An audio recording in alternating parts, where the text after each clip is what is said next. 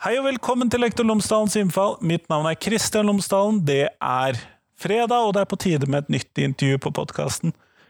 Denne gangen snakker jeg med Eli Kristin Odland, som jobber på Høgskolen på Vestlandet med mat- og helsefaget. Vi snakker om tidlig innsats i dette faget, og det tror jeg kan bli veldig spennende. Og visste du at eh, elevene skal ha mat og helse allerede før femte klasse, altså i første til fjerde? For det visste ikke jeg! så det får du høre mer om. Ellers er podkasten sponset fremdeles av Cappelen Dam Undervisning. Og inne på skolen.cdu.no så finner du en oversikt over alle temaer, opplegg osv. som Cappelen Dam har laget i forbindelse med fagfornyelsen for alle trinn, alle fag, alle emner. Ja, hele grunnskolen. Rett og slett. Skolen.cdu.no. Men her får du intervjuet med Eli Kristin. Vær så god.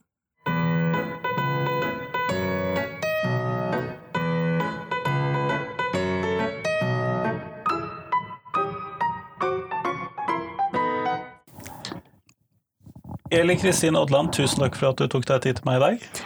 Veldig hyggelig å møte deg. Før vi starter selve intervjuet, kunne du ha fortalt lytterne mine tre ting om deg selv, sånn at de kan bli litt bedre kjent med deg. Eh, ja, i utdannelse så har jeg et faglærerstudie, ernæring, helse og miljøfag. Og så har jeg bygd på med hovedfag og en doktorgrad. Eh, I doktorgraden så jeg på helseeffekter av å spise mager fisk nyttig for alle som jobber med mat og helse, kan jeg tenke meg. Ja, og sannheten er at fisk er fremdeles sunt. Den korte versjonen. Det er greit å ha en kort versjon innimellom. Ja, ja. Og så jobber jeg her eh, ved grunnskolelærerutdanningen og faget mat og helse. På privaten så er jeg gift og har tre barn, og jobber da fulltid. Ja, kjempeflott. Og det er jo nettopp dette med mat- og helsefaget som vi skal prate om i dag. Mm. Og når vi snakker om tidlig innsats mm. i mat- og helsefaget, hva er det vi snakker om da? Det er tidlig innsats, og da snakker vi om eh, de minste første til fjerde trinn på skolen. Det å starte med faget eh, tidlig, på en systematisk måte. Og det tror jeg nå at eh, ser at fagfornyelsen eh, legger vekt på. Vi ser en sånn tydelig progresjon fra fjerde, sjuende til tiende. Så jeg har hørt noen eh, lærere jeg har snakket med, og noen skoler jeg har snakket med, som sier at nå har vi satt eh, undervisning på første til fjerde trinn. Ja, for jeg trodde at det egentlig bare var noe man hadde i femte og niende trinn. Ja, nei, det er feil. Vi har jo kompetansemål etter fjerde, etter sjuende og etter tiende. Så det betyr jo at de må ha opplæring òg i første til fjerde trinn for å nå de kompetansemålene. Men det som den nye fagfornyelsen nå ser på, det er jo den der progresjonen. Sånn at de, de, må ha noe der i første til fjerde før de kan ta neste steg. Så jeg tror ikke skolene kan komme helt forbi å ha mat og helse nå i første til fjerde.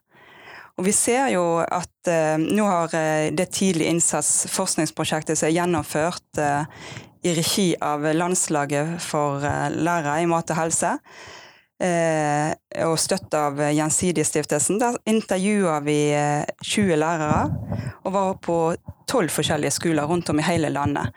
Og vi ser jo det at de som underviser i første til fjerde, de har liten faglig formell kompetanse. Eh, vi i vår studie fant at 75% mangler formell kompetanse i faget. På landsbasis er det gjort tilsvarende statistisk undersøkelse, der de kom til 78% av lærerne som underviser. Så det stemmer sånn rimelig overens, da? Ja. Så, ja. Mm. så litt lite formell kompetanse på de som underviser i første til fjerde. Det er litt tilfeldig hvem som underviser. Det er så lite fag at det blir overlatt til klasselærerne, så de skal bli bedre kjent med dem. Ja, så, ja. ja, da er det veldig tilfeldig hva det er som mm. dukker opp av fagkompetanse. Ja, og så så vi én ting òg i studiet. Det var at eh, det var kun fire av de 20 som hadde mer enn to års erfaring. Så det vil si at de skiftes for, fort ut òg. Altså, de følger kanskje klassen og har det det ene året, men så har ikke det det igjen. Så de får ikke den eh, praktiske erfaringer heller, for at de blir skifta ut så fort. Ja. Da blir det jo vanskelig å bygge opp et fagmiljø også lokalt på den enkelte skole, da? Absolutt, og det ser vi òg. Det er veldig få på skolene som har uh, utdanning i faget. Og da får du ikke heller den dialogen eller den eh, kompetansehevingen internt hos kollegaene heller. Sant? Du kan sitte rundt lunsjen og erfaringsdeler, men da har du veldig få å spille på. Så det, Derfor er jo òg sånne nasjonale foreninger, sånn som så dette her landslaget for mat og helse i skolen er òg, da. Som du kan samles i litt større fra alle skolene, da. Ja. Men da må du jo nesten ha en hva skal vi kalle en sånn fagidentitet sterk nok til å melde deg inn, da. absolutt, og det, det er det vi snakker om. Vi, men nå er jo Høgskolen på Vestlandet heldig at vi har utdannelse i faget og mulighet til å ta utdannelse i faget. Både 30 studiepoeng og 60 studiepoeng, og helt opp til masternivå. sant? Så muligheten for å ta utdannelsen er jo der. Den er jo der da, men når vi da, fordi at som jeg sa i stad, mitt mm. inntrykk er jo at eh, mat og helse det har du i mm. femte og niende trinn. Mm. Og det er jo mm. det jeg ser på mine barn også. Mm. Mm. Men eh, hva tenker du at vi skal fylle disse første fire årene da med av mat- og helsefag? Du, hvordan kan vi jobbe med det? Eh, jeg tenker at de bør få tilgang til kjøkkenet. Og det ser vi at eh, det er ikke alle skoler der de har tilgang, for at det er timeplanfest, og det er fullbooka på de på mellomtrinnet og ungdomstrinnet. Så det å, at de får tilgang til kjøkkenet, og at det må være tilpassa de minste òg. Vi så jo det at når vi var ute nå på alle disse skolene rundt om, så så vi at eh, ofte så var benkene litt for høye. Og lærerne ja, for de er standardhøye? Ja, de er standard på dem, så de ikke, når ikke opp. Men du kan jo undervise i faget i et klasserom, eh, gjøre smakstester der inne og gjøre små, enkle. Og de gjør det ute, ikke minst ute i naturen, og tar de med ut. Jeg tror det bare blir bevisst på alle mulighetene faget gir. Eh, og en, denne tverrfaglige muligheten òg i faget vårt, mot matematikk, med, med, regning, vekt, volum. Eh, absolutt eh, kan gå ut, eh, være med og plukke enkle bær. sant? Og det å tilberede maten ute, der er det stor nok rom til både søla og stor takhøyde til å Gjør ikke så mye om den der eh, koppen med vann faller over ennå? Nei, nei, det blir mindre oppvask eh, og mindre rot etter det. Mm. Men, nei, fordi at eh, jeg er jo litt usikker på om rektorer og andre har fått med seg dette inn på timeplanen og inn i det som skal fokuseres på for de lavere årstrinnene? Ja, det er akkurat det. Men jeg tror nå, eh, nå når fagfornyelsen kommer, så må alle sammen sette seg ned og de må lese gjennom det. og Så ser de, kanskje det er da de blir mer bevisst.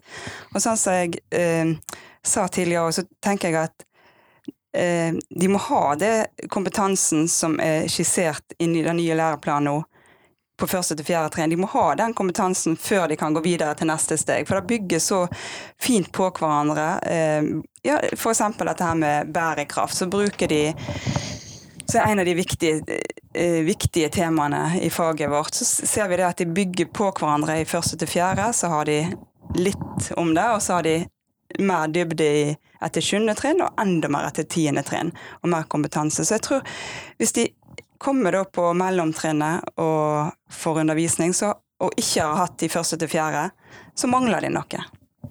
Det blir et hull. Så jeg tror eh, rektorene nå eh, blir mer bevisst på at de må sette inn tidlig innsats i første til fjerde. Ja, men og som du sier, da, de hadde jo da ikke kjøkkenkapasitet på mange av disse skolene som du undersøkte. Det høres mm. ut som eh, politikerne ikke helt har sett hva de har vedtatt. da, sånn. Ja, kapasiteten var én begrensning, og så så vi en annen begrensning, at utstyret var ikke tilpassa, sånn som benkehøyde og um, stoler, så det ble, det ble eh, for universalt utstyr. Men eh, det er da jeg tenker vi må prøve å være litt kreative og bruke det rommet som er, og så må det bevisstgjøres og settes det opp. Eh, de, de, fleste hadde jo én time i uka som timeplanfester, men de samla det opp til annenhver uke, sånn at det ble to timer. Sånn at man faktisk får gjort noe? Ja, så, så var flere skoler som hadde det, men det var flere òg som ikke var bevisst nok på det. Men jeg vil absolutt si de fleste hadde, hadde undervisning i første til fjerde, eh, og da hadde jeg samla det opp. Men potensialet for at enda flere skoler skal sette det på timeplan systematisk. Hva tenker du er fordelen med at eh, vi får dette tydeligere inn i første til fjerde klasse? Jeg tror eh, vi må få det, få det inn. for å, eh, Ikke det at vi begynner med det seinere, men det å slippe barn eh, til på kjøkkenet, undervisningskjøkkenet tidligere, og på sitt private kjøkken òg. Det å gi dem den praktiske erfaringen, det å gleden rundt det. Og det ser vi òg når vi møter elevene òg. Vi ser veldig forskjell på de som har fått vært med på hjemmebane, og de som ikke eh, har fått vært med. Og vi ser jo det at det er jo forskningslitteratur som sier at mm, eh, mangel på tilgang av kjøkken, eller tilgang på matlagingsferdigheter, eh, det blir kobla opp mot den observerte økningen i utvikling av livsstilssykdommer. Så det, å- det å ta de med inn, eh, vise de bruken av eh, matvarer, og det å se gleden av det òg. Jeg ser en av tingene i faget vårt òg, det, det er jo kort vei fra, pro, eh, fra produktene og prosessen til det, det, et ferdig produkt. Sant? Fra råvare til ferdig produkt i løpet av en time. Mens i andre fag kan det være at du jobber med et tema over lengre tid. Her er det liksom avsluttende hver gang, og det tror jeg er en suksessfaktor. Og det å, denne stoltheten med å få vise fram et produkt de har laga, og mestringsfølelsen og det å dele Jeg tror det, det er så masse dimensjoner i faget vårt. Det å Ja, vær så god, det er din tur. Bare ta og forsyn deg. Og, eh, så det har masse med sånn sosialdannelse òg å gjøre rundt matbordet. Den dialogen. Hva, hva syns du? Og eh, hva var det som gjorde at dette var godt, og hva var det tekstur i det, hva smak Det å øve seg på å sette ord på smak, kjempevanskelig. I Norge er vi fattige på eh, ord rundt beskrivelsen av et måltid. Vi sier at det er godt, vi sier at det er dårlig, men si noe mer enn det, det er vi veldig dårlige på. Og det tenker jeg det er noe å øve oss opp språklig. Um, ja, hva var det som gjorde at dette her var godt? Er det noe spesielt med utseendet, med teksturen? Knaser det? Ja, vi hører det knaser. Ja. Sant? Altså, det er så masse vi kan snakke rundt det. Da tror jeg vi må ha utdanna eller bevisste lærere som tar tak i den delen òg, den samtalen rundt matbordet. Det å se eleven, eh, eh, og det å at de skal få lov å oppleve den mestringen, blomstringen. Ja, fordi at Jeg kan jo tenke meg at mat- og helsefaget, særlig for de eh, elevene som sliter litt med å sitte stille eller å delta i den sånn, og motivere seg for den veldig lange eller teoretiske undervisningen, eh, så vil jo dette være en fint avbrekk også i første til fjerde Ja, trinn. og det syns jeg òg fagfornyelsen er fin på. Han er klar på at det er et praktisk fag. Helt klart. Eh, Og da er det opp til oss som lærere i, i faget å fortelle teorien mens vi gjør. Eh, og ja, nå fikk du dette resultatet. Ja, det kan skyldes at, sant. Ja, nå har vi kokt for lite, eller vi har kokt for masse, og, eh, og vi kan se på fargeforandring, sant. Altså, det å, å fortelle hva det inneholder litt, sant. Eh, hva som gjør at det ble et vellykka resultat. Så jeg tror vi kan få inn teorien på veldig mange måter, spesielt dette på bærekraft òg. Det å bevisstgjøre de på å bruke alt av en råvare, f.eks. brokkoli. Bruke hele stilken. Eh, purre òg. Det ser jo at det er veldig mange som kaster masse av purren. Vi kan bruke absolutt hele purren. sant? Det å gjøre de bevisst på å håndtere de råvarene riktig. Og det andre er jo de valgene vi gjør. sant? Hvil, hvilken olje kjøper vi inn? Hvilken olje, matolje skal vi bruke? Må vi ha oliven som er frakta rundt jordet en gang? Eller kan vi ta den rapsolja som vi produserer her sjøl i Norge? Sant? Hva korn bruker vi? Sant? Vi vet at havre og bygg er to korn vi produserer masse av i Norge, og så går mye til dyrefòr. Der kunne vi gjort en endring. Vi kan begynne å bruke mer havre. Vi kan bruke mer bygg. Ja, for vi importerer mer hvete for å dekke opp for vårt behov. Ja. Så vi produserer ikke nok eh, hvete sjøl i Norge. Så har det med jordsmonn òg å gjøre. Vi importerer en hvetekvalitet som er bedre enn den vi sjøl produserer. Mens bygg eh, og havre eh, to kornslag som vi eh, kan prøve å bli mer bevisst på å bruke på, i undervisning til mat og helse, og i alle de hjemmene rundt om. Da tenker jeg også det å vise elevene da produkt, og snakke om bygg, sant. Som et bærekraftig valg. Eh, og vise pose, og så kan det ha noen ringvirkninger til de hjem, og hjemmene hjem, og når de vokser opp, så ser vi òg at de tar med seg det de lærer tidlig, de tar det med seg videre i livet, og det er det vi håper på òg. Eh, og vi ser jo òg forskning som viser det at eh, den atferden de har, er på grunnlag av en opplæring de har fått eh, tidligere. Så akkurat det med bærekraft Og det, det er jo det sentrale temaet i det nye år. Vi har det som én av tre tverrfaglige tema, og, eh, og vi har det som kjerneelement element i vårt fag, og så står det tydelig i kompetansemålene. Så det er jo ikke tvil om at vi er en av det faget som må håndtere det eh, i vårt fag. Altså, vi, vi kaster 43 kilo eh, mat i året per person. Det er helt vanvittig! 43 kilo mat. Her har vi en jobb å gjøre. Det å lære elevene om om riktig oppbevaring, eh, og bruk av rester. Sant? Matmuffins. Eh, få inn Har du ei potet til overs, ei gulrot til overs, ta det inn i bakverk. Eh, bruk det. Og her er det jo mye som jeg hører at første- til fjerdeklassinger kan forstå. Absolutt. Absolutt. Det er helt enkle ting. Og de er kanskje eh, stor ressurs til å forstå. Absolutt. Ja. Helt enig. Eh, men, eh, og dette kan man jo tenke seg litt, for jeg har jo sett hvordan mine barn har utviklet seg på kjøkkenet. Mm. For mine barn lager mat en gang i uken. Ja. Etter at jeg eh, fikk samboer, så ble det innført, for det hadde hun. eh, så det har de vel gjort fra fjerde klasse eller femte klasse. Herlig. Musikk i mine ører.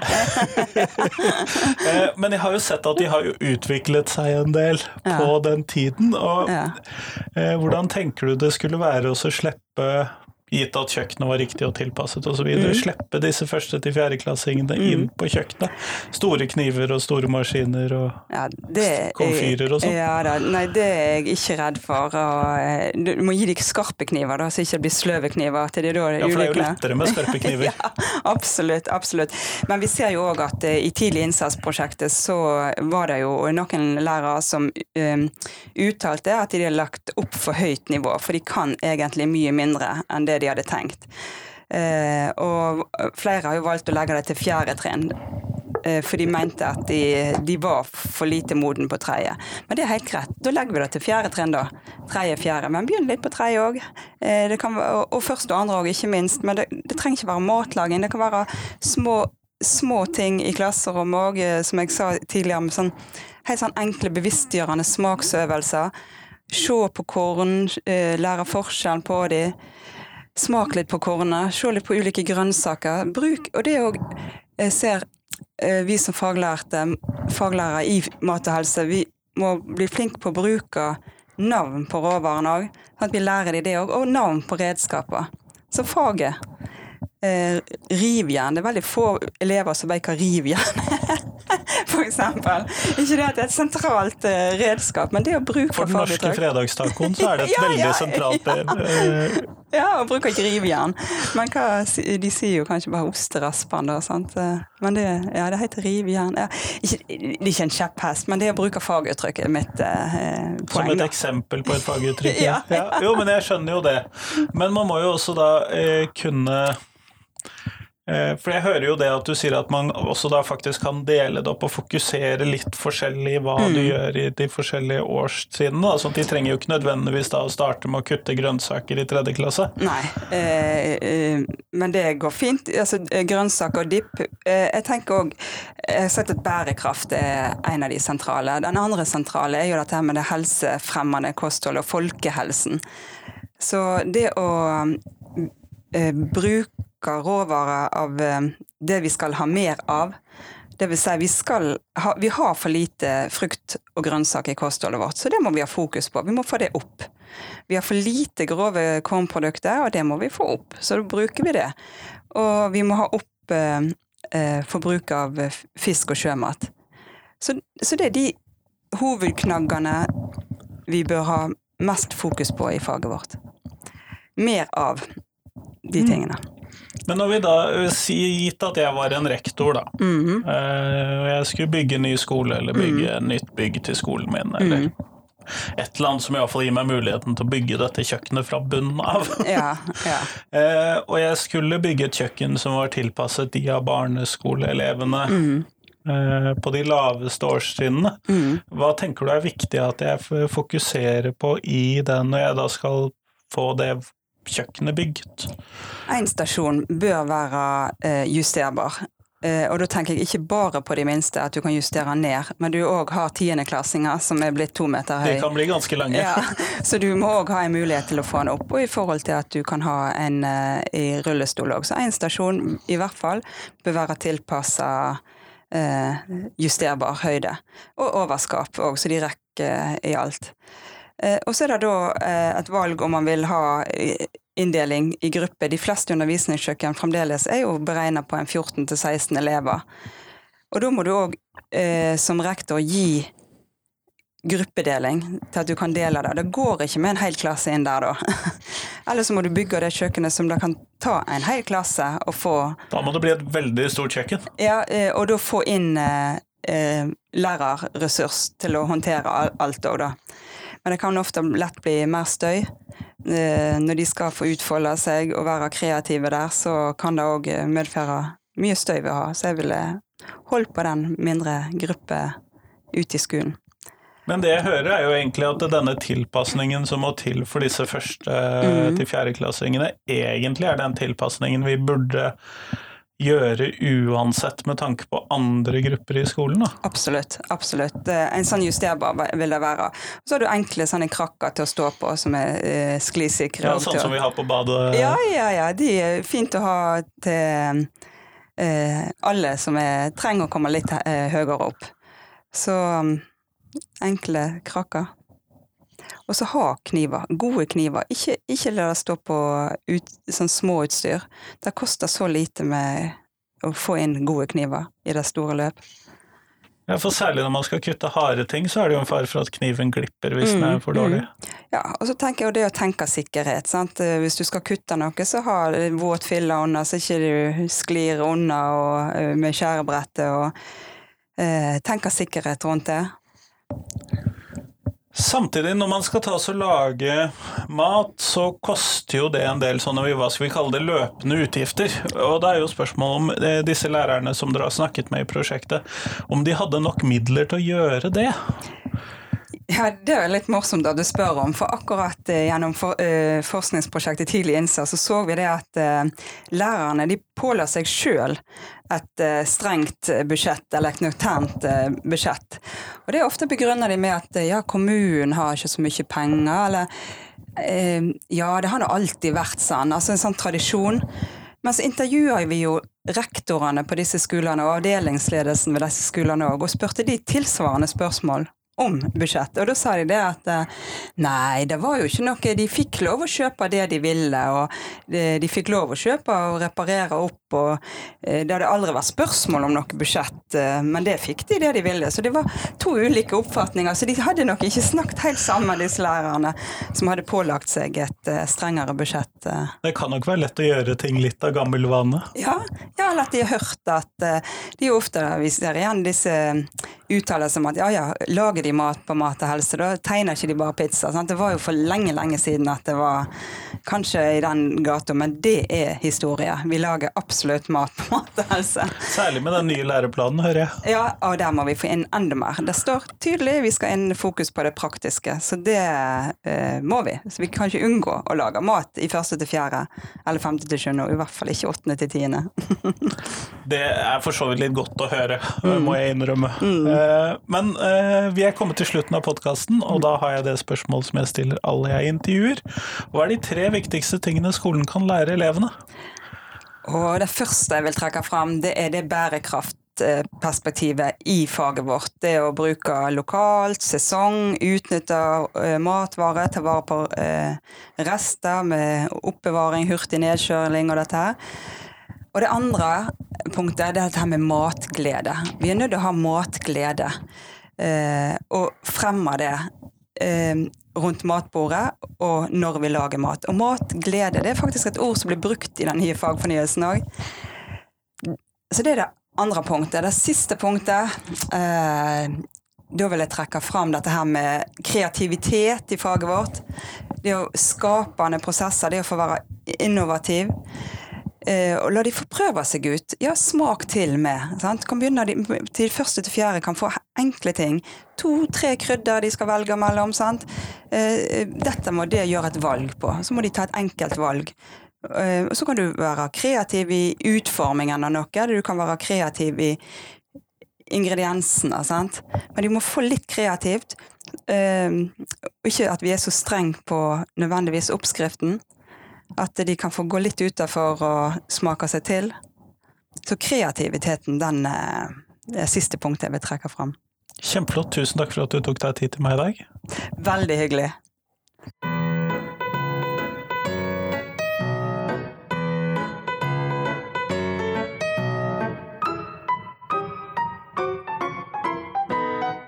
Tusen takk til Elle Kristin, og tusen takk til deg som har hørt på. Nå er det fram til tirsdag før det kommer et nytt podkastintervju på podkasten. Og da vil jeg informere om at på torsdag, altså i går, så postet jeg overalt Hva er god seksualitetsundervisning? Det er ukens Tenketorsdag-post. Og det håper jeg at du kan gå inn og hjelpe meg å svare på. For jeg vil veldig gjerne vite hva tenker du på som god seksualitetsundervisning? Men i hvert fall, det finner du overalt der hvor jeg pleier å poste ting. Så gå inn og uh, finn det der. Ellers, gå og sjekk ut Instagram-kontoen min, Lektor Lomsdalen. Der finner du mange av episodene, mange av Tenktorsdag-postene, og andre ting som jeg føler er nødvendig, eksempel bilder fra det å være podkaster. Men det finner du der, så får du ha en god helg. Hei, hei!